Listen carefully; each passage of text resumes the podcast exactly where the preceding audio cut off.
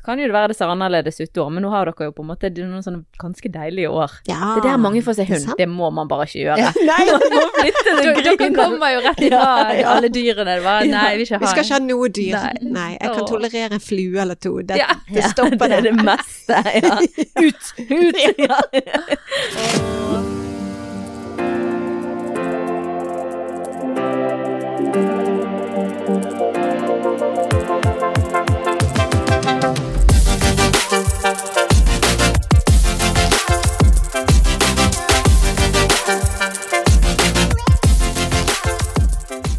Hallo, hallo, og hjertelig velkommen til Mammas hjerte-podkast. Så gøy, så gøy! Da er vi på igjen.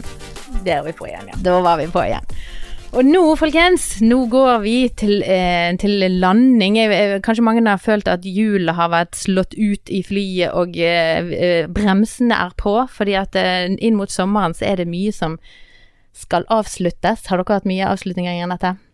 Nei, ikke så veldig mye, men Ikke det er veldig mye. travelt på jobb opp mot sommeren. Ja, mange ting som skal avsluttes og avsluttes Ja, skal fullføre mye jobb før på en måte fellesferien, så det har vært travelt. Men vi har bare hatt ja, vi har to avslutninger, egentlig. For det var jo litt sånn ja, tilbake til normaliteten at nå, eh, nå skal alle begynne å ha avslutninger igjen. Og så var det bare oi, savner vi dette egentlig? Nei, jeg syns jo egentlig sånne ting er koselig, da, men, eh, men det har jo vært litt mye. Jeg kjenner at nå skal det bli godt å stoppe opp og ha ferie. Mm. Så dette blir altså siste podkast vi har før sommeren, og så kommer vi veldig sterkt tilbake til høsten igjen med masse nye. Jeg har allerede noen spennende avtaler, og noen, eh, noen som har sagt Jeg kan hinte frem på noen eh, litt store influensere som har sagt 'kontakt meg til høsten', så får vi en prat da. Så det blir veldig Så gled dere, folkens, til høsten. Ok, og i dag så er vi så heldige å få med oss vakre Linn Myhr inn i studio igjen. Hei, Linn. Hallo til verden, det må jeg si. Ja, Det var du skinner jo som sol i regnfulle Bergen i dag. Oi, oi, oi. Det var hyggelig. Takk for at jeg får komme. Du har vært med oss her noen ganger før. Ja, jeg har det. Jeg tror det er tredje gangen dette her. Det kan stemme. Og vi, du er jo en av våre favorittmammaer, forbilder. Ja, vil men det si. er du faktisk. Så Og jeg kos. er, jeg er ikke sånn som smisker, egentlig. Og jeg kjenner barna dine eh, litt, og, og, og for meg så er det jo det der med på frukten skal du kjenne treet. Og for meg er det, det bare taler så mye om deg og eh, Kjell Martin, hvordan dere har eh, håndtert deres familie. Når jeg ser på de fantastiske barna som er blitt voksne og tar gode valg i livet sitt, og bare De står så fint i livene sine, da. Det er så bra. Med forbehold om at det er noen unger som bare gjør akkurat som de vil, uansett hvordan du Ja, påvirker det, da. er. Ja. Ja, De, dere har bare fått noen fantastiske Nei, jeg vet at det ikke alltid bare har vært enkelt. Det har ikke bare vært enkelt. Nei, det tror ikke det er noen steder. Nei. Nei. Nei, men hvordan går det, Linn? Det går fint med meg. Ja. Vi er liksom midt i en veldig rar tid. Ja, fortell. For et par dager siden så kjørte vi vårt første flyttelass fra Bergen til Oslo. Og overtok en Ja, og overtok en ny leilighet og fikk Det blir nøkler. leilighet der borte. Vi skal bo i en leilighet fra Vi flytter fra en stor bondegård Mm. med masse dyr til en liten leilighet på Grünerløkka. Ja. Uten balkong. Vi skal ikke ha noe oh, gress å klippe, ikke noe Ja. planter å stelle. Hvordan føles det? Så deilig. Det føles faktisk deilig. Ja. Jo, jeg skjønner jo det. Jeg har jo et veldig romantisk eh, forhold til det å være bonde, men, eh, men det har jo vært Hvor mange år har dere vært der nå? Nå har vi bodd her i seks år, seks år. og det er så mye arbeid. Ja. Men det er litt fint Ja. er ikke det det? Det, er, det ser fint ut Ja. for øynene, men, eh, men når man bor midt i det, så ser man hele tiden alt som skal gjøres. Så er det skal bli veldig godt å flytte fra det. Altså, vi, vi var veldig sånn Vi ville ikke ha hage. Vi ville ikke ha noe Full reaksjon. Litt som når vi hadde sånn en Toyota Yaris, og så endte vi med en Skoda Superm. Ja. Du på en måte har hatt en så liten bil, og ungen har satt med knærne oppi haken. At du bare sånn vi skal ha, vi skal ha markedets lengste stasjonsvogn, faktisk. Ja, er Litt det samme, samme. bare motsatt. Ja, bare motsatt. Ja. Mm. Ja, og så det- har jo ungene flyttet ut, så vi trenger ikke ha så veldig mye plass. Hvordan er det, liksom? For jeg, jeg husker jo når vi, eh, når vi giftet oss og vi så etter leilighet å bo i, sant? og det var noe spesielt med det å finne noe bare oss. Sant? Nå er dere liksom på andre siden, nå er dere liksom ferdig med alt det her store og ungene. Nå er det bare dere to igjen. Hvordan er det å gå opp den veien, liksom, og finne noe som skal passe til bare dere to? Ja, det er jo litt det er luksus, da. Ja. Det føles veldig deilig. Eh, og det er jo Vi vil jo ha Eller vi har kjøpt en leilighet så vi har plass til å ta imot våre barn Mm. med deres familier når de kommer dertil. Ja, ja, ja. Eh, men eh, vi har på en måte valgt et sted der vi vil bo. Mm. Vi trenger ikke tenke på skolekrets Nei, eller at det er puber i nabolaget, eller hva, hva slags miljø det er utenfor døren. Og det er jo deilig. Ja, så kan dere, nå er dere jo i en fase der sant, dere har barn som akkurat har flyttet ut, eh, men som ikke nødvendigvis har stiftet familie og valgt og eventuelt å få barn. Sant? Sånn at dere har jo en, noen en år sånn- nå der det på en måte Det jo, kan jo være at det kommer en ny fase hvis dere er heldige å få barnebarn. Så, så kan jo det være det ser annerledes ut da, men nå har dere jo på en måte noen sånne ganske deilige år. Ja, Det er der mange får seg det hund. Det må man bare ikke gjøre. Nei, må flytte Dere dere kommer jo rett ifra Ja, ja. alle dyrene. Det var, nei, vi ikke vi skal ikke ha noe dyr. Nei. Nei. jeg kan Åh. tolerere en flue eller to. Det, Ja. det stopper det er det. det meste, ja. Ut! Ut! Ja. Åh. Jeg er veldig glad i den gården som dere har driftet nå i seks år og vært der og masse. Jobbet der faktisk for mange år tilbake. 19 år siden, for det var det året jeg giftet meg. Eh, så, så, så det blir jo litt rart at dere flytter bort der. Men hva er grunnen for at dere flytter bort der? Vi flytter bort der fordi eh, min mann har fått en ny jobb. Mm. Han skal være pastor i Oslo Vinjard, så det er jo spennende. Heldige Oslo Vinjard yeah. som får dere. Dere er jo fantastiske. Ja, men det er virkelig de, de er heldige som får dere, som skal lede seg og ja. Vi håper det. Og det er jo på en måte Det å flytte på seg er en rar greie, for man Altså, det går veldig godt for oss å forlate gården, men det er egentlig veldig trist å forlate bygden. Ja. For vi er veldig glad i I folkene, begge, vi har vokst opp der begge to. Alle våre folk er liksom der. Mm. Så det blir veldig rart. Det trenger jo ikke være for alltid. Men du kan dra på eventyr i ubestemt tid. Ja. Så Det er godt at det kan være sånn.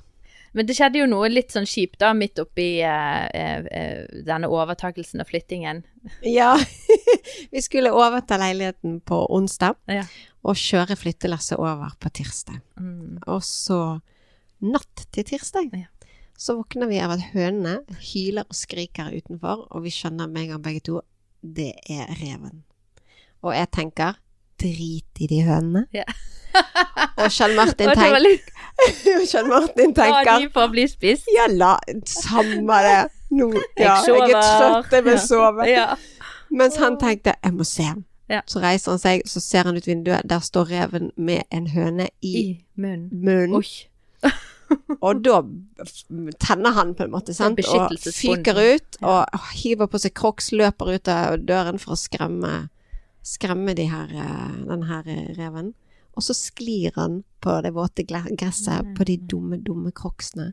Og så knekker han eh, håndleddet. Nei. Høyre håndledd. Høyre håndledd. nei, nei. Og for en nei. bonde å gjøre det midt i flytteprosess og Ja, nei, Ja. det, er det verste. foten. Det ja. hadde vært verre. Hvis jeg hadde hatt foten. Ja, Ja, det- men da kunne han liksom uh, hinket rundt og gjort noe med armene. Nå kan jo ikke kan han ikke noen bære Nei. noen ting. Så det, det her eh, Så plutselig, på eh, onsdag, da ble jeg bonde på en måte, for nå må jeg gjøre det. Meg og min sønn, vi må dele på Mm. byrden. Men uh, det skal gå så fint. Vi har så mange gode folk rundt oss som Ja. har stilt opp og kommer og hjelper og Det er bra. ja. Så, og han, han lærer mye av dette, da. Han lærer å ta imot hjelp fra Ja, andre, for det ikke, faller ikke naturlig for han. Akkurat her passer den der. Det er ikke så vondt for noe. Det er, Ja, ingenting er så vondt. det er så Eller- gale at det er ikke godt for ja, noe. Hele den greien der. Det er jo noe som er så galt at det ikke er godt for noe. Men det Ja. meste er ikke så galt at det ikke er godt for noe. Ja. Sant, sant. Må Kan- tenke positivt. Ja, man tenke positivt på det midt oppi alt. Kanskje han får mulighet til å sitte og, og, og, Ja, og, og, hente inn noe læring eller noe Han kan kanskje hvile, jeg vet ikke, et eller annet. Kanskje ikke han blir, han blir bare mer stress. Jeg vet ikke. Lykke til, i hvert fall, eh, Kjell Martin, midt oppi der, og Linn. Dere er gode. Du, ehm, Sist podkast så, så fikk vi tre mail. Altså det, vi, vi liker jo å boltre oss i tematikk som er litt sånn eh, både dypt og eh, løfte på steiner som ikke andre snakker om, og til og med mener å si ting som kanskje folk er uenige om. Vi har jo hatt om toleranse nylig, så, så her er det jo Vi får utøve toleranse på, eh, på høyt plan imot hverandre. Men eh, jeg hadde så lyst til å bare gi- oppklare når jeg hadde deg her, for vi fikk en del Eh, det var et par tilbakemeldinger på sist podkast hvor vi snakket om dette med å hjelpe barna å, å sette grenser for um, gjerne vennskap eller uh, negativ påvirkning da, fra uh, kretser.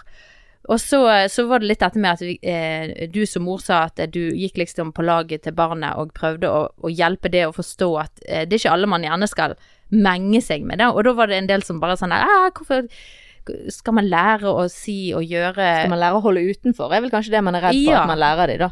Det var litt Men så er det. det kanskje misforstått litt, da. Ja, og- Og derfor hadde vi bare lyst til å oppklare den, at det er jo ikke det som er meningen. Men hva, hva var det du tenkte rundt den tanken av at eh, det må å egentlig stå på laget til barnet og hjelpe de å sette opp den grensen, som, som eh, er en utrolig viktig grense. Og det var jo det vi ville frem til. Ja, og jeg tenker at det, vi må jo eh, på en måte være ærlige med tilværelsen rundt oss. At det er faktisk ikke alle barn og alle voksne rundt oss som har god påvirkning på oss. Ja. Sant? Og eh, i det så tenker jeg at det, det viktigste er kanskje å lære ungene eller ungdommene å skille litt akkurat det der. Og kanskje, eh, kanskje få de på lag, på en måte og tenke at det, ja, det er en i klassen som har elendige grenser i hjemmet, og snakker, har et språkbruk som kanskje er helt forferdelig, og sånne ting. Så man skjønner liksom at her, er det, her er det ganske grenseløst.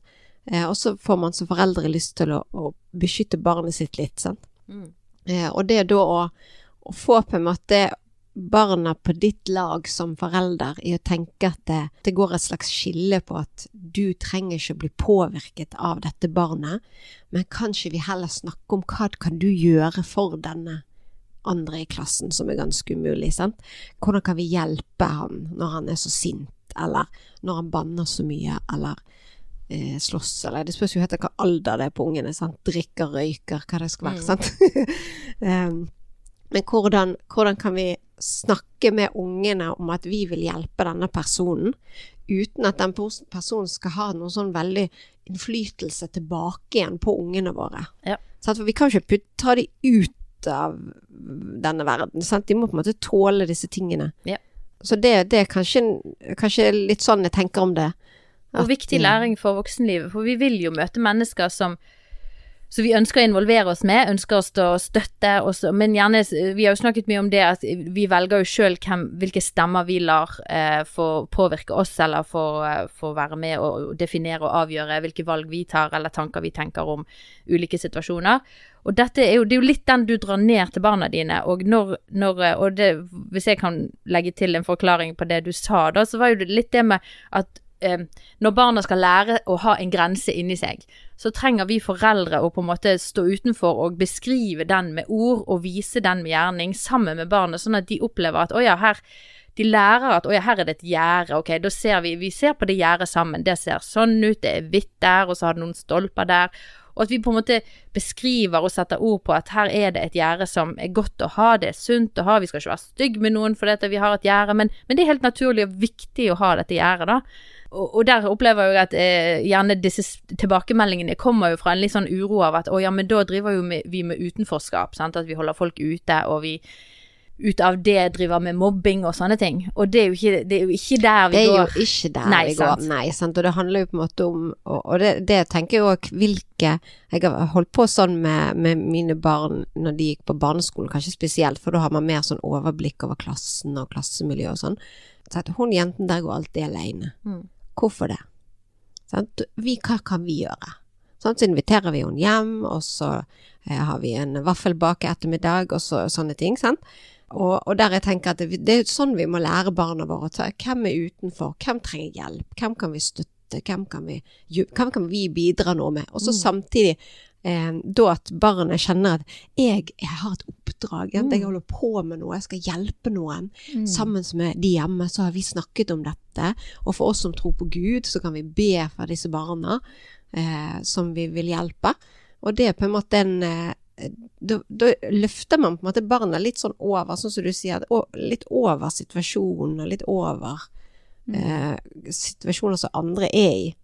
Eh, Og dette så- handler jo igjen ikke om at eh, eh, vi forteller barna våre at de er bedre, eller deres verdi er høyere. Sant? Her er det, jo ikke ikke på verdistadiet, for dette der håper jeg jo at vi kan ha vår verdi i noe annet. At vi er gode nok som vi er, alle barn. Altså vi vil utøve at verdi det er jo en veldig sånn Det er noe så viktig for oss at vi alle mennesker er verdifulle, men noen mennesker har vi mulighet til å gi noe, da. Gi et blikk, gi en handling av kjærlighet for å på en måte være en ressurs inn i menneskers liv. Og det kan vi lære barna også.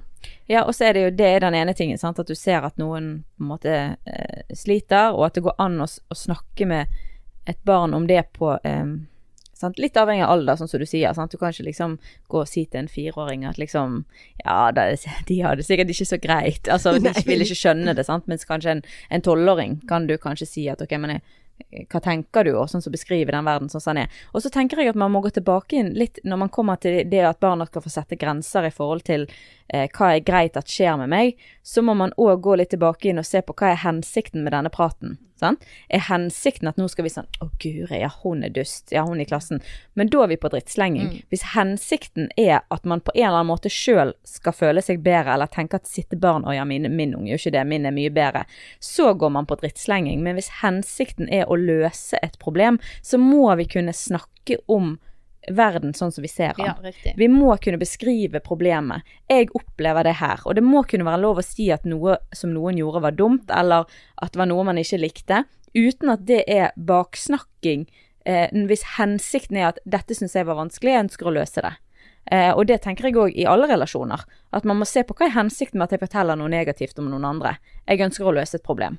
Og da tenker jeg at hvis et barn kommer og sier at eh, den og den har gjort sånn og sånn, og det syns jeg var vanskelig, så må man etter, etter alder da sette seg ned og på en måte hva er det mm, hvor, hvor går grensen i forhold til hva vi skal akseptere at andre gjør, og hvordan skal vi håndtere det. Så det er jo egentlig det det liksom handler om, da. Ja, det er det. Det er egentlig, mm. Vi må lære de å møte verden. Mm. Ja. Også, og lære de òg at det er faktisk noen som påvirker meg dårlig. Mm. Og da må jeg begrense hvor mye jeg er sammen med de. Ellers- Tilgjengeligheten min til de, ja, da. sant. Og så- Ja, må jeg må begrense hva vei, hva vei strømmer det, hvem leder hva. Ja. Sant? For hvis barnet ditt er et offer i, en, i et vennskapsrelasjon, så, Mm. så er det ikke positivt. Sant? Og vi har, vi har på en måte ansvar for våre egne barn aller Ja. først. Ja. Og vi må veilede de til å verne seg.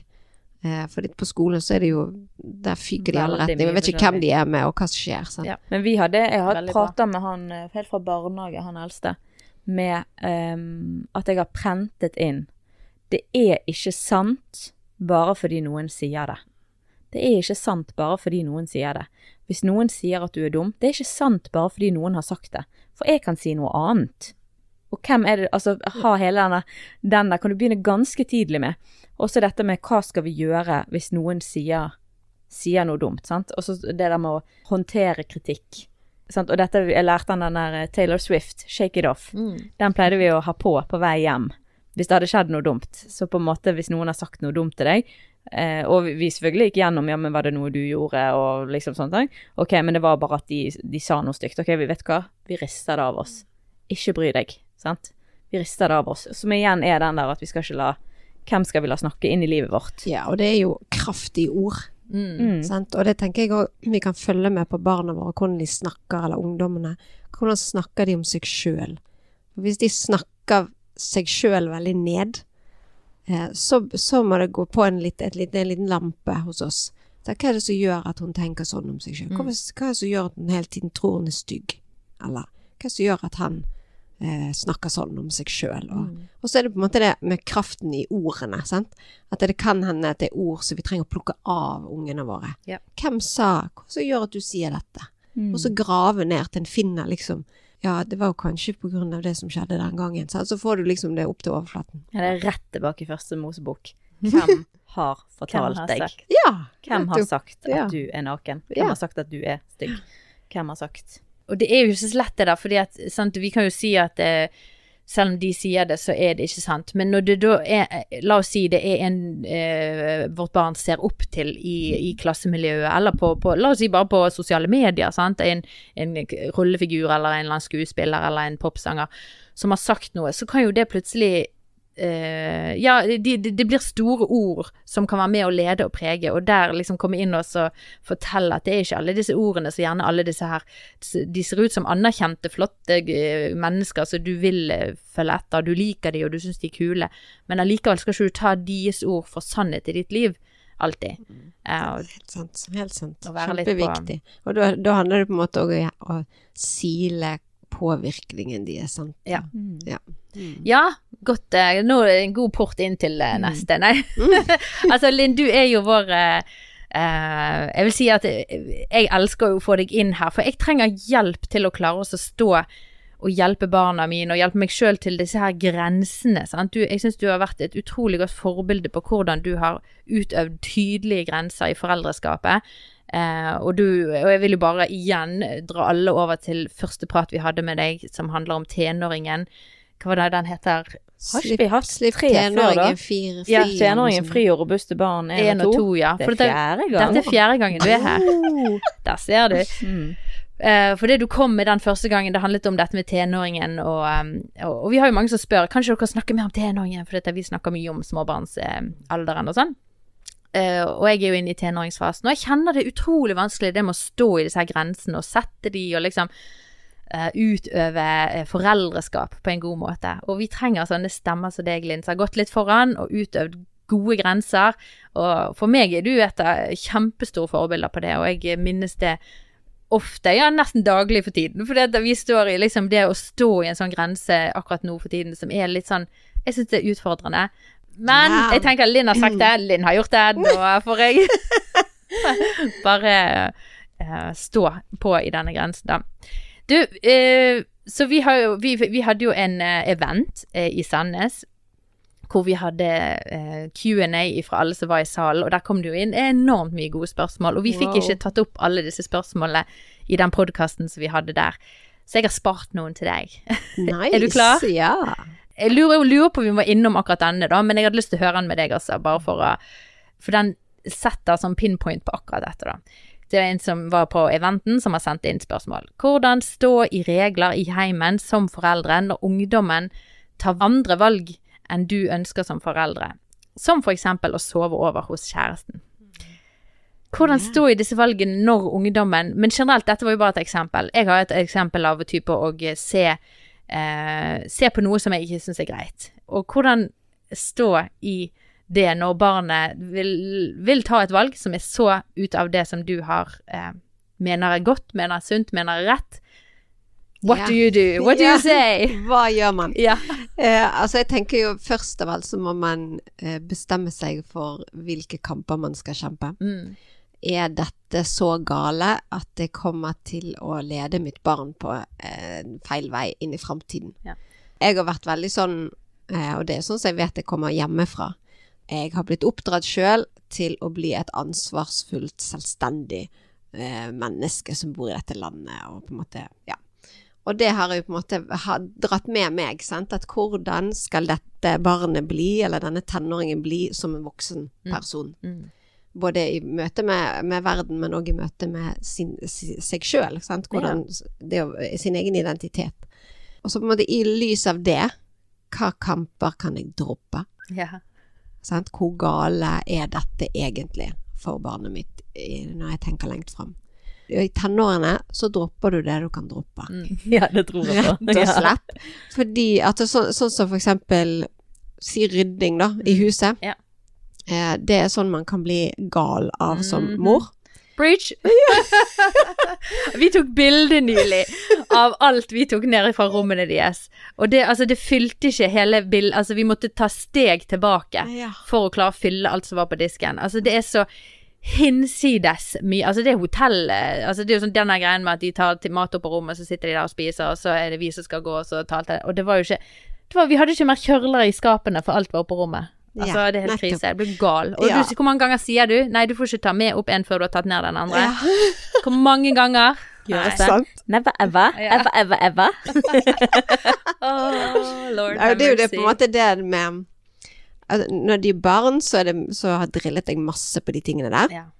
Rydde opp og slå av lyset når du går ut av et rom, og sånn og sånn. Ta bær sekken opp på rommet ditt og de tingene. Så kommer det til et sånt punkt når de blir tenåringer, at de har de har litt sånn mer enn nok med sitt eget Mm. hode. Ja. Og sine egne følelser. Ja. Ja. Sånn at eh, da kommer jeg til et sånt punkt der jeg tenker ok, jeg har tre år igjen med barnet mitt i hjemmet. Jeg kan droppe denne kampen. Han eller hun vet at det er best å ha det ryddig. Eh, Mm. Og jeg har sett det, de kan det, de vet det. Ja. Og så har jeg svelt noen store kameler på en måte akkurat på det feltet. Fordi jeg har tenkt at jeg tar noen andre kamper. Er Så, så, så rydder jeg altså. sjøl, så biter jeg det i meg, og så tenker jeg det er tre år, eller det er bare en liten stund til. Ja. Jeg kan holde ut det. Ja. Og så heller være Istedenfor å bli en sånn jabbete, klagete tenåringsmor. For det, det vi gjør da, er at vi bare dytter tenåringen bare lenger og lenger vekk. Fordi mamma blir en sånn der Mamma er sur hele tiden, på en måte. ja. Sånn at hver gang jeg kommer eller roper navnet deres, Ja. at de da skal begynne å krype Ja. og tenke 'Å, hva kommer nå?' Mm. Mm. Sant? Men at, eh, at det Ja, så det er en sånn ting som, som jeg har gjort. Det er veldig frigjørende å høre, syns jeg. Ja. ja. Ja, for man kan bli litt sånn usikker. Sånn. Guri, jeg har ikke lært de noen Ja, ting, og liksom kommer de til å rydde når de faller flytter litt ut, Alt og ja. fra hverandre i ja, tenårene, virkelig. ja, det gjør det. Og så da må man velge. Ja. Hva kamper skal vi kjempe? Sant? Sannsynligheten er veldig stor for at når de har lært å rydde, så kommer de til å ha det ryddig. Og de vokste opp i et forholdsvis greit stelt hjem. Ja, okay, helt okay. Ja. så, så vil de ha det sånn sjøl òg i fremtiden. Så da tenk, sånne ting tenker jeg dropp det, legg det til side, og så ta, ta opp de kampene der, der du kan se langsiktig. Mm. Tenk at dette kan faktisk ødelegge noen ting i mitt barn sitt liv. I selvbildet, eller i måten de kan håndtere eh, vanskelige situasjoner. Mm. Og jeg tenker det det For meg så har det vært viktig. Vi skal oppdra robuste barn Mm. hvordan skal jeg gjøre et lite menneske robust opp igjennom sant, når de vokser. Altså, hva er robust egentlig? Sant, det er jo og det å tåle å stå i vanskelige ting. Ja. At de skal tåle at verden er urettferdig, Mm. og eh, ja, det er mye drit. og så skal de få lov til å leve helt og oppreist gjennom Eller gå inn i den voksne alderen, på en måte, da. Eh, Og være hel og oppreist. Og da er de nødt til å få motgang Mm. og tåle å stå i motgang. Og det, og det tenker jeg, det er min jobb som mor og vår oss som foreldre. At de, de kan ikke ha Vi kan ikke sy puter under de eh, hjemme. Jeg har gjort det veldig lite. Jeg har vært eh, veldig sånn Hvis man kan si det om seg sjøl, da. har øst kjærlighet utover det alt jeg har kunnet. Mm. Og vi har hatt superkoselig på så mange forskjellige Mm. områder. Og så har jeg vært kjempestreng Mm. kjempetydelig.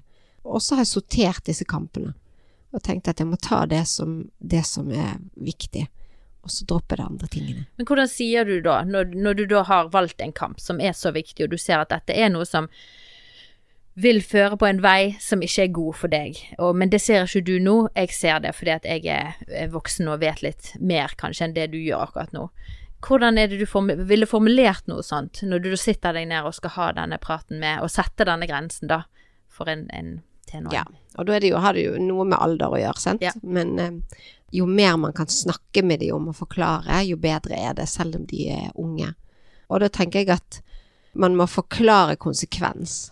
Sant? Hvis du holder på med dette, kommer dette til å skje med deg. Jeg hadde eksempel en av ungene var eh, fascinert av noe på Instagram, Mm. eh, og så gikk om igjen og om igjen og om igjen. om igjen. Og da måtte jeg, måtte jeg på en måte sitte ned og ta den praten. Og da var det på en måte litt sånn i grenseland. Sant? Jeg som mor har lyst til å si til deg at du får ikke lov til å følge denne Mhm. personen på Instagram. For når du, hver gang du ser på dette, så får du et sånt perfekt bilde i ditt sinn Mm. Eh, av et liv og av en kropp eller et eller annet, et utseende som du tenker at det er sånn det burde vært. Mm. Det er sånn alt eh, Ja, og det, da er det et speil man speiler seg i, Ja. som kaster et bilde tilbake som gjør at, at selvfølelsen til barnet synker. Mm. Jeg er ikke så flink som det, eller ser ikke sånn ut, eller hva det skulle være. Jeg hadde, husker en sånn prat Mm. der jeg satt ned Jeg har lyst til å si at du får ikke lov. Ja. Hva er det som gjør at du vil se på dette? Hva er det som gjør at, eh, at du eh, fyller deg med dette? Hva, vil, hva tror du det kommer til å gjøre med deg? Mm. Sant? Og så hjelpe de til å reflektere Mm. og tenke rundt dette. Og det betyr ikke nødvendigvis at de slutter med det, Mm. men det betyr at du har lagt inn et slags filter. Ja. Mm. Sant? Og du hjelper de til å Der de ser på det, så vet de fordi at du er du er en stor person i deres liv, selv om de ikke oppfører seg sånn når de er 16-17 år, så er du det likevel. Og eh, det vil ligge der, at når de ser på dette, så vet de dette er egentlig ikke bra for meg. Ja. Og de vil ikke ta det inn gjerne som en sannhet, da. Fordi Nei. at det, da er det satt opp et sånt Ok, eh, da går de gjennom det filteret, du sier at ok, dette er bare noe som er Ja, veldig bra sagt, altså. Ja da, og det, det er i sånne grenser. Ja, det Skal du sette en hard strek eller ikke? Og så er det de tingene vi har sagt, beinharde Ja. streker. Det er uaktuelt Ja. så lenge du bor hjemme. Her går grensen. Og det er en rød strek. Det er forbudt å gå over dette. Ja. Fram til du er 18 år. Mm. Hva som skjer da? Det, da er det ditt liv. Da må du ta disse valgene sjøl. Ja, Mens nå enig bestemmer mamma. Her, du Mm. bor her hos oss, og du er mitt barn. Og jeg kan jo si da til det spørsmålet der, den grensen hadde jeg satt der. Mm. Um, eh, og det Ja, I forhold til å få sove over kjæresten Ja, tenker Ja, i det må vi snakke om, da. Eh, og da tenker jeg at ok, eh, der har man forskjellig livssyn, forskjellige ting. Den seksuelle lavalderen er 16 i Norge, men du har fortsatt eh, myndighet til å bestemme over barnet ditt hvor de sover. Det har du lov til å bestemme frem til de er 18. Du kan ikke styre om de kommer til å ha sex med sin kjæreste. Det er opp til de å velge fra de er 16 år gammel. Det, du kan ikke, De kan gjøre det andre steder enn på natten. Men eh, du kan faktisk sette en grense og si at eh, eh, når du bor i vårt hus, så sover vi her hjemme, og, eller du kan sove hos en venninne. Og du kan ikke styre at de lurer deg, men du kan i hvert fall si hva, du kan sette den grensen og si det er ikke greit. Ja, det er helt sant. Og vi er midt i denne situasjonen nå, for vår sønn på 20 år har forlovet seg. Mm. Han skal gifte seg, Oh, så spennende. ja, og kjæresten bor et stykke unna, og litt sånn. Det er mye kjøring frem og tilbake, og sene kvelder, og da blir det overnatting. Mm. Og da er vi veldig tydelige. Eh, og de er jo med på laget. Mm. De er enige med grensene våre, så vi har ikke hatt noen kamp der i det hele tatt. Men hvis vi som voksne er ute av hjemmet, så sier vi at hun får ikke lov å overnatte Mm. Vi Hos dere, da. det hos oss Ja. nå når vi er vekke, og du får ikke lov å overnatte der hvis foreldrene hennes er vekke. Mm. Så setter vi Det er vår strek, og det, nå er han 20 år, Mm. så dette handler jo om at dette er hjemmet vårt, sånn som du sa. Sånn. At det er eh, Her bor vi, vi bestemmer i dette huset. Da får du få din egen leilighet, og så får du på en måte gjøre det som du vil der. Men Ja. dette er vårt hus. Ja. Mm. Og det er jo sånn som du sier, man kan ikke styre hva de gjør når du ikke ser dem. Nei, det må Og- de velge sjøl. Det må de velge sjøl, og når de er voksne må de i hvert fall velge det sjøl. Mm. Altså Det å sette en grense er ikke ensbetydende med 'jeg liker deg ikke', da kommer jeg til å sant? Om de da hadde valgt å få en egen leilighet, så er det sånn, da må man ak akseptere det. At de tar et annet valg. Men man kan jo være tydelig på hva man mener om det, og så må man respektere de valgene som, som barna da tar når de er voksne. Ja. Hvis de tar andre valg som, enn det som du gjør. Helt klart. Mm. Og man vet jo aldri hvor, hva, hvor barna lander i når Mm. de er 25, 28 Men jeg tror jo at hvis de da eh, er i den sånn som mange av oss kristne som velger å vente med sex før ekteskapet, hvis de eh, ønsker det sjøl, så tror jeg at de på en eller annen måte så er det litt deilig for de å ha den regelen. For dette gjør at konflikten Mm. eh, blir mindre Altså det, det er lettere å på en måte Ja. Det er lettere å stå i det. Ja. Åh, det er ikke lett, altså. Det er ikke lett, Ja, sant? Men da, da må man på en måte være varm mot denne, denne, denne nye kjæresten som kommer inn i huset, sant? som hele tiden eh, kommer rundt middagsbordet og henger i hjemmet og sånn. Eh, så må det være Så må man overøse det mennesket med kjærlighet, sant? Mm. Og sånn at de òg vil forstå. Å ja, de har en grense her, ok. Ja ja. Så må man innfinne seg med det, da. Ja, man kjenner seg elsket, men her Mm. er det òg en, en god grense Mm. for eh, Hei du! Visste du at Mammas hjerte er en del av Tro og Media? For å lære mer om tro og media, så kan du søke opp på tromedia.no, eller følge oss på sosiale medier. Eh, Et annet spørsmål som vi ofte får, faktisk, Linn, som jeg lurte på om du òg kunne være med og eh, Jeg har jo prøvd å svare ganske godt på det, om flere i Mammas hjerte har svart godt på det i vår panelprat som vi ga ut for noen eh, uker siden. Men dette her med når ungene ikke vil gå i kirken, og når det handler om tro og hele den biten der, hvordan har dere gjort det i, i deres hjem, i forhold til hvor mye skal man presse store barn, hvordan skal man legge til rette da for at det, det som vi opplever er gode og viktige sannheter i det lange løp, sånn som du sier, disse kampene som man velger å ta. Jeg opplever jo at dette er en viktig kamp å ta, da, liksom, og ikke, eh, ikke bare la barna få ta sine egne valg oppi her, men allikevel veilede de. Men hvordan veilede de på en god måte oppi her? Hva har dere gjort? Vi på en måte begynte fra starten eh, at eh, det er en selvfølge at vi alle, hele familien, går i kirken. på søndagen. Mm. Det gjør vi bare, punktum. Det er ikke et tema at noen skal være hjemme. Da må mamma ha feber, liksom. Og fordi vi var menighetsledere, så ligger det jo masse på en måte forventning til at man må være der. Mm. Og man må alltid være der en time eller to før alle andre, og en time eller to etter alle andre har gått hjem. Og det har, det har vi på en måte bare bakt inn i familien, at det, dette er en del av vår hverdag, dette prioriterer vi. Og det tror jeg er grunnen til at vi har ikke hatt noen diskusjon rundt det. Alle vet at vi går i kirken på søndagen, og ingen av ungene har opponert mot det. Men når de blir ungdommer, så er jo de ofte trøtte. 'Å, må jeg stå opp så tidlig på en søndag?' Og kanskje jeg Men det har ikke vært et Nei, da, særlig da kom vi på en måte til et sånt punkt eh, Ja, det stemmer, det kommer på en måte til et sånt punkt. Det var ingen konflikt eller noen diskusjon rundt det, men Mm. der ungene ble veldig aktive i et ungdomsmiljø Ja. i en annen kirke på fredagskveldene, og vi så det som det gjorde med de, og det var veldig, veldig bra. mm. Uh, Shout-out til Kristkirken i Bergen. Yeah. Kan jeg gi for det? Annalu, ho. Ja, det var helt Det er de som har opptatt Katrine òg. Yes. Jeg har vokst opp på Y-a. Sant? Det er så mye bra rundt omkring. Yeah. Og, det, og vi var veldig sånn løs på det at eh, så lenge de går et sted der de får ordentlig mat, Mm. på en måte, der de får ta til seg undervisning og få høre Guds ord og være innunder det, så er det ikke så farlig ja. At de må være på, i, i, på søndagen i kirken. Ja. Der, vi kom dertil da på et eller annet tidspunkt. Det, det var en sånn glidende overgang. Mm. Klarte ikke, klarer ikke helt å huske tid det var, men kanskje på slutten av ungdomsskolen. Ja.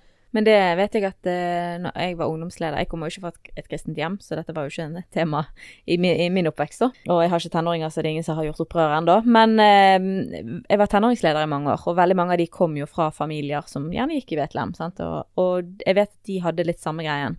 At uh, hvis de gikk på YA, så trengte ikke de komme på søndagene. De kunne velge, egentlig, hva de vil gå på. Ja, og jeg tenker at det, det, Igjen så må vi ha det lange blikket. Er det viktigst at jeg tar denne kampen, at du skal være der Mm. klokken halv elleve på søndagen med oss, eller eh, skal vi bare tenke OK, hun eller han får mat. De får ta til seg av, mm. av av Og kanskje bedre tilpasset. Sant? Så ærlig må vi jo være. det, Ja. Men så samtidig så ser de jo at vi fortsetter. Sant? De Mm. lærer jo noe av å se hvordan vi lever. At Mm. hver søndag er vi alltid der. Mm. Um, og ja. Du, et annet spørsmål her som vi har fått inn, eh, og det handler egentlig litt om hvordan vi kan være robuste mødre, egentlig. Wow. Eh, og det tenker jeg jo er veldig aktuelt også. Eh, hvordan vi skal, kan sette tydelige grenser i oss, men òg utover det. For her er det en som spør, da. Eh, hva gjør jeg når andre mødre baksnakker? Jeg har vært i sosiale sammenhenger eh, med flere mødre fra barnehage, eh, eller skole for den saks skyld, eh, og opplevd eh, ufine kommentarer, blant annet type 'glad at hun ikke er her'. Jeg ønsker ikke å ta del i baksnakking sjøl, men heller bidra til å skape en kultur i familiegruppen der vi heier på hverandre. Så spørsmålet er hvordan skal jeg håndtere de situasjonene der det oppstår ufine kommentarer? Kan jeg konfrontere det, eh, den som baksnakker, uten å bli hun naive godtroende? Eh, og hvordan skal jeg i så fall si ifra? Oi, dette er en veldig reflektert person. Mm. Det er nydelig, og jeg tenker at det, det er jo eh, in, på, I noen sammenhenger så er det like greit å tie stille. Sant? I noen sammenhenger så er det ikke eh, Så vil det ikke være noe fruktbart å, Ja. krasje nedover noe, noen andre sin uttalelse, og at man heller bare er taus. Mens hvis man ser at her kan jeg justere noe med å, komme med en kommentar, så svinger jeg dette til en litt positiv retning, så tenker jeg det er kjempeviktig. Eh, både som mødre, men òg egentlig i alle situasjoner i livet. Mm. Hvordan kan jeg vri den driten jeg hører nå, til noe som er litt bedre? kunne det vært en ting Jeg gjør ikke dette, men jeg liksom bare tenker Hva ville jeg gjort, da? Eksempel på tomannshånd med denne personen, hvis man kommer eh, og så sier at liksom Jeg blir litt eh, Hvordan eh, Jeg blir litt sånn Jeg syns det er litt ubehagelig når eh, vi henger ut den personen så ofte, eksempel. Eller eh, eh, Går det an å si noe sånt, eller blir man veldig Definitivt. sånn Ja, eh, ja, ja. Hvis man gjør det personlig, jeg, Ja, jeg føler jeg at dette er litt dumt å snakke om Ja. når hun ikke er her, Mm. type. Men med en gang, hvis man på en måte begynner å snakke ned den andre personen sin holdning, så, er, så, så dytter man mennesker vekk, tenker jeg da. Ja. Så man må ta det fra en personlig vinkel. Veldig viktig å si at jeg føler, sant, Ja. og ikke eh, kanskje ikke syns engang. For dette synsing er jo òg et veldig sånn negativt ord å si at å ja, du syns jo at jeg er dårligere enn deg hvis jeg sier dette, men De, jeg, de vil jo sikkert synes det er ubehagelig å få den beskjeden. Ja. Så ærlig må vi kunne være. Altså, det, det er ikke noe behagelig å få den beskjeden, men det betyr ikke at det ikke kan være rett i tilfeller å si Ja. det. Men så er det òg av og til må man se litt personen an. Eh, noen ganger så møter man personer der man tenker at det vil ha en effekt å si fra. Mens noen mennesker, de kommer til å ville snakke dritt. De ønsker det fordi de trenger å føle seg bedre, og så vil de snakke andre ned. Så at du sier noe det er ikke sikkert det kommer til å ha noe form for effekt. Men jeg har en historie der jeg Det var en som satt i en setting og fortalte hvordan hun var Ja, det var en setting med jenter, så hvordan hun var eh, Var da utro med en, eh, og han hadde kjæreste. Eller samboer. Eller, og barn og alt det der. Og det ble en sånn veldig rar stemning i rommet, der alle Du merket at alle syntes dette var ugreit, og så var det noen som sa ja, men har ikke han, har ikke han familie, da? Og så sa hun ja, det er ikke mitt problem. Og da jeg vet det, da apropos støte menneskeverken, det gikk veldig bra da, men da ble jeg så provosert at jeg bare skar gjennom rommet og bare, vet du hva, unnskyld meg, skjerp deg. Jeg sa bare, jeg bare meide henne ned og bare sa liksom, du kan ikke sitte her og ansvarsskrive deg på den måten, og liksom, skal vi sitte her og, tenker du at vi skal sitte og synes dette er gøy, eller sånn, så tok denne, og vet du hva, det ble full klaff, For jeg tror rett og slett at det, det mennesket ble veldig trygg på meg da, av at her er det faktisk en som sier hva hun mener, og da kan jeg ha tillit til at hun sier ifra når det er gale, men hun sier fra når det er bra. Jeg kan stole på henne. Så det var jo en sånn glanshistorie der jeg, ja, men det vil jeg egentlig ikke anbefale. det er ikke alle som Men klarer der å bare være like gikk det langt over en grense i forhold til så det, Men det er jo faktisk et tips, da. At det fins jo ting som folk kan finne på å si der jeg tror det er Der det er viktig å konfrontere fordi det går Det er helt grenseløst, liksom. Definitivt. Men jeg ja. kunne jo selvfølgelig tatt vedkommende til siden og sagt det uten å si det foran alle andre, men jeg bare Jeg klarte ikke å styre Og så syns jo jeg at dette med eh, baktaling og sånt, det er jo en kultur. Sant? Og i noen kulturer så er dette en veldig eh, vanlig kultur. Jeg opplevde jo, sant, jeg jobbet på Haukeland sykehus, og på lunsj, eh, der så var jo det en kultur. Mm. Og da er det jo vanskelig som én person å komme inn og endre hele denne kulturen. Eh, men allikevel så, så kan man jo eh, velge å være med og skape kultur der man er. Og da er det jo å være en som fremsnakker, og der syns jeg jo L. Anna Vi har hatt eh, våre tidligere faste, fantastiske L. Anna som hadde utrolig mye, mye god Jeg tror vi har til og med en podkast om det. Mm, baksnakking. Eh, Ja, den er veldig god. Den er veldig, veldig god. Og hvor hun skaper et nytt begrep som er dette med fremsnakking. At vi liksom er med å endre en kultur. Men da må jo det være noe vi er bevisst over, og vi gjør gitt eh, hele tiden foran mennesker. At vi løfter opp folk, vi snakker godt om folk, og vi skaper en kultur av at det er det vi ønsker. Og da kan vi kanskje være med å endre kultur noen sted. Ikke alle plasser går det an når du er alene, men hvis du er to eller tre, så det kanskje, kan du være med å påvirke faktisk et helt lunsjrom, Ja. eh, hvis du gjør det. Og da må man være frampå. Frem Før ja. baktalelsen begynner, så kan man snakke fint om den som det pleier å baktales om. Ja. Sant? Og, og rose den på en eller annen måte, eller eh, sette den personen i et bedre lys. Ja. Hei, hei! Du, visste du at eh, Mammas hjerte sitt nettkurs, Hvordan bevare parrelasjon i en småbarnsfase, ligger nå som en podkastserie. Så hvis du bare søker opp eh, tittelen på kurset 'Hvordan bevare parrelasjon i en småbarnsfase', så finner du den òg her som podkast der du lytter til podkast. På Spotify, på iTunes og forskjellige steder. Så sjekk ut nettkurset vårt nå som podkast. Tusen takk! Du, et siste spørsmål før vi går til en avrunding her. Eh, hva syns du har vært det mest krevende med å være mamma, Linn? Wow! Siste spørsmål. Da satt vi på en halvtime. ja. Enkelt og Hva har vært det mest krevende? Ja. Hvis du ser tilbake Wow. på dine 20 år som mamma. Oi. Tenk på det, 20 år som mamma. ja, jeg har vært mamma i 22 år. 22 år, ja, riktig. Og jeg tror, jeg tror kanskje dette handler litt om det som du sa i sted med å være en robust mamma. Ja. For vi, vi må kan være, eller vi kan trenge å gjøre oss sjøl robust i møte med våre barn. Fordi det er ikke nødvendigvis Oi, jeg lukter en ny podkast her. Jeg lukter Ja. en ny podkast. Det er ikke nødvendigvis at de er takknemlige for Ja. alt vi gjør. True. Det er ikke nødvendigvis at det gjengjelder eh, gode ord vi sier. Og vi kan egentlig ikke forvente noen ting tilbake. egentlig være trygg, da, i seg sjøl, uavhengig av hvordan det svinger. Hvordan det går med de, Mm. sant? for det svinger. Og, og det å, å, å tåle å være upopulær hos barna våre, og tåle at eh, der han er nå, eller der hun er nå, så kommer det ikke til å komme noen gode ord og positive ting i min retning på ganske lenge. Mm. Sant? Det å tåle å stå i det, det er kanskje det er det mest krevende. Eh, Men så har jo jeg valgt sant, å være en tydelig mamma med tydelige grenser og tydelige forventninger, og istedenfor å være en venninnemamma, Mm. Sant, som noen no, Veldig mange jobber så hardt med å være bestevenninne med sine tenåringer, og det tror jeg eh, funker dårlig. Jeg tror man må heller tenke at det, det kommer når de blir litt større. Vente de får barn. Når de får egne barn. ja. Og at man må på en måte slippe de ut Ja. og, og se at de har øynene og livet langt vekk fra den du er og det du gjør og alt du har gjort. Og så må man bare tåle det og Mm. Vente i det at det, det snur nok etter hvert. Ja. Jeg tror kanskje det har vært vanskeligst. Mm. Nei, godt Kan jeg få lov å svare òg? Ja, For der er jeg litt eh, Det der, det er ikke det jeg syns er mest krevende. eh, og jeg har jo ikke hatt tenåringer, men jeg syns det er mest krevende den tapen av kontroll over sin egen tid. Tapen av det at jeg har veldig lite medbestemmelsesrett på hvordan min uke ser ut. Sånn som det med syke barn og sånne ting.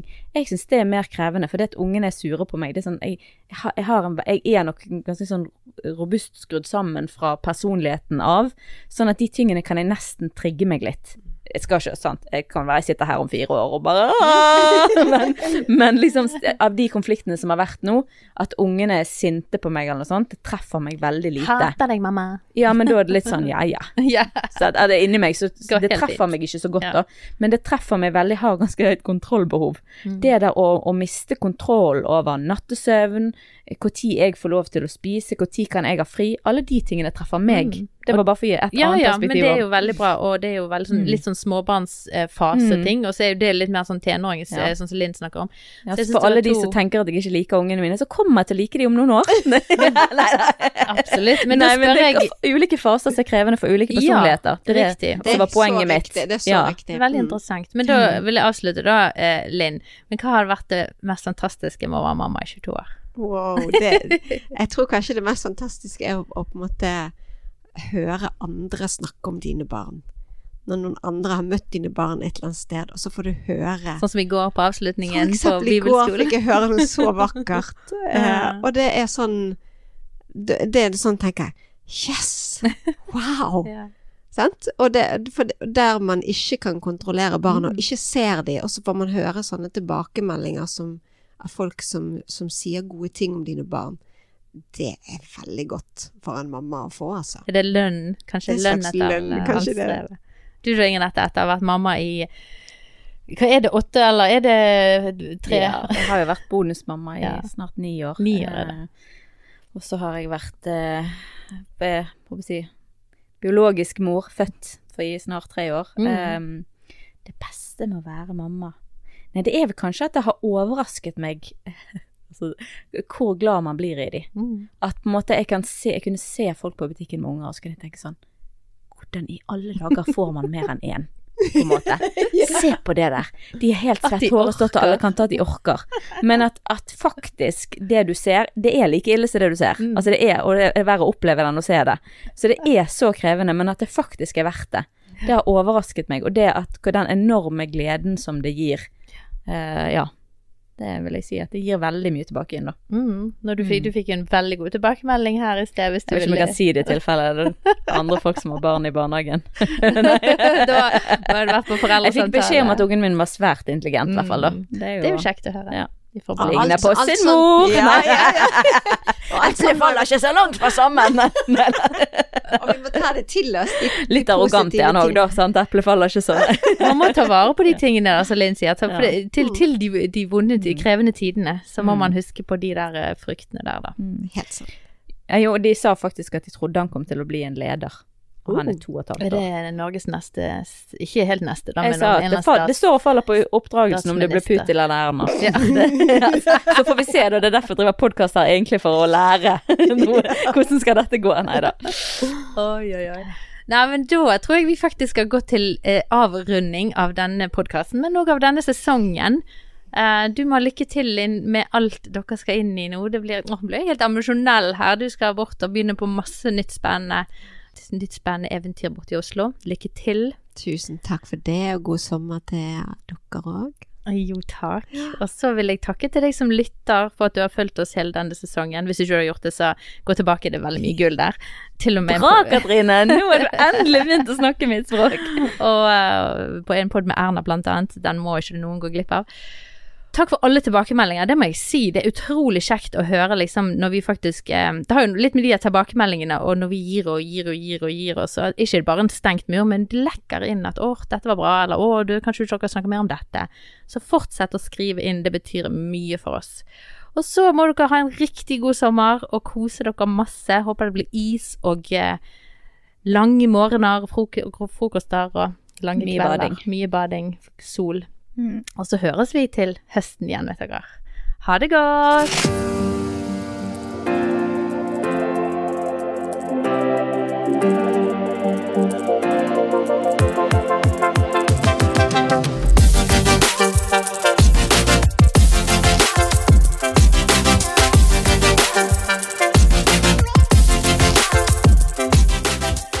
Har tilbakemeldinger, tanker eller spørsmål etter det vi har snakket om i dag, så skriv inn til post alfakrøll mammashjerte.no.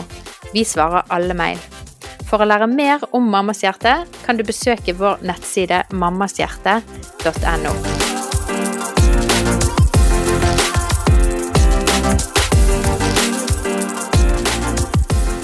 Denne podkasten er laget i samarbeid med Tro og Media og Familiesenteret i Bergen.